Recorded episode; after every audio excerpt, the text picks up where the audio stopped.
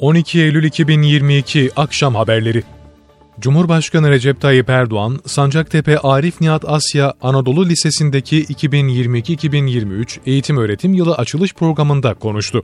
81 ilin tamamında okulları ve öğretmenleriyle buluşmanın heyecanını yaşayan tüm öğrencilere selamlarını gönderen Erdoğan, yeni eğitim öğretim yılının hayırlı olmasını diledi. Cumhurbaşkanı Erdoğan programın gerçekleştirildiği okula ismini veren Arif Nihat Asya ile Necmettin Yılmaz ve Aybüke Yalçın gibi terör örgütleri tarafından şehit edilen öğretmenleri rahmetle yad etti. Erdoğan, 20 yıllık iktidarları boyunca şartlar ne olursa olsun eğitim konusundaki önceliklerinden asla taviz vermediklerini vurguladı. Törene Milli Eğitim Bakanı Mahmut Özer, İstanbul Valisi Ali Yerlikaya, belediye başkanları, veliler ve öğrenciler katıldı. Cumhurbaşkanı Erdoğan konuşmasının ardından öğrencilerle beraber ders dilini çaldı. Pençe Kilit Operasyonu bölgesinde teröristlerle çıkan çatışmada 4 asker şehit oldu. Piyade uzman çavuşlar Harun Yıldırım ve Savaş Borlu çatışmada şehit düştü. Yaralanan 4 askerse hastaneye kaldırıldı. Yaralı askerlerden piyade Assubay Kıdemli Çavuş Gökhan Ağal'la piyade uzman çavuş Fatih Kalkan da tedavi gördükleri hastanede şehit oldu. Bakanlığın açıklamasında bizleri derin bir acı ve üzüntüye boğan bu olayda hayatını kaybeden aziz şehitlerimize Allah'tan rahmet, kederli ailesine, Türk Silahlı Kuvvetleri ile asil milletimize başsağlığı ve sabır, yaralılarımıza da acil şifalar dileriz, ifadelerine yer verilerek bölgede operasyonların sürdüğü vurgulandı. Milli İstihbarat Teşkilatı terör örgütü PKK'nın sözde suikast timinde yer alan Vedat Aksaç ve beraberindeki iki teröristi Irak'ın kuzeyindeki Erbil bölgesinde düzenlediği operasyonla etkisiz hale getirdi. PKK'nın suikast timinin elebaşı Şahan Kod adlı terörist Vedat Aksaç'ın da arasında bulunduğu terörist grubun Halifan bölgesinde intikal halinde olduğu bilgisi üzerine dağlık alanda takip başlatıldı.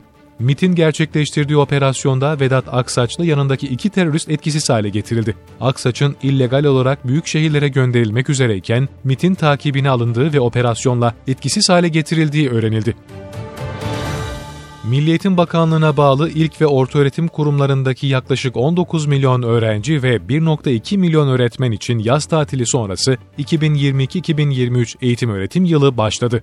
Okul öncesi ve ilkokul 1. sınıfa başlayan öğrenciler 5-9 Eylül'de uyum eğitimine başlamıştı. Bu yıl ortaokul ve liseye başlayacak öğrencilerin uyum süreci ise bugün başladı ve 16 Eylül'e kadar sürecek. Okullarda 60 bin temizlik personeli görevlendirildi. Eğitim yılı hazırlığı kapsamında okullara 3.1 milyar liralık bütçe gönderildi.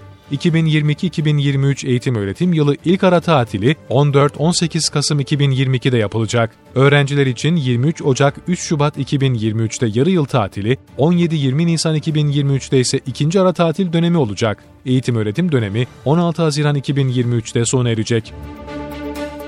Kira fiyatları ve ev fiyatlarındaki artışın ardından Cumhurbaşkanı Erdoğan'ın talimatıyla Çevre, Şehircilik ve İklim Değişikliği Bakanlığı tarafından hazırlanan ve yarın açıklanacak sosyal konut projesine başvuru şartları belirlendi.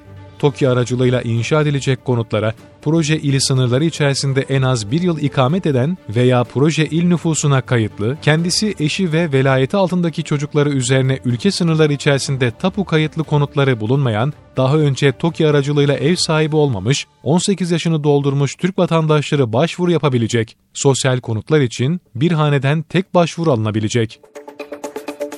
Türkiye İstatistik Kurumu Temmuz ayına ilişkin iş gücü istatistiklerini açıkladı.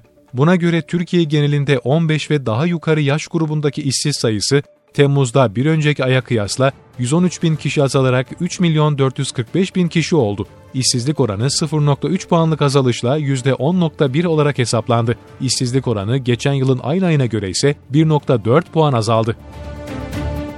Başkentte terör örgütü DAEŞ yönelik operasyonda yabancı uyruklu 9 şüpheli gözaltına alındı. Ankara Emniyet Müdürlüğü ekiplerince çatışma bölgelerindeki DAEŞ mensuplarıyla irtibatlı oldukları belirlenen yabancı uyruklu şüphelilere yönelik operasyon başlatıldı. Eş zamanlı operasyonlarda haklarında gözaltı kararı verilen 10 şüpheliden 9'u gözaltına alındı. Firari şüphelerin yakalanması için çalışmaların devam ettiği öğrenildi.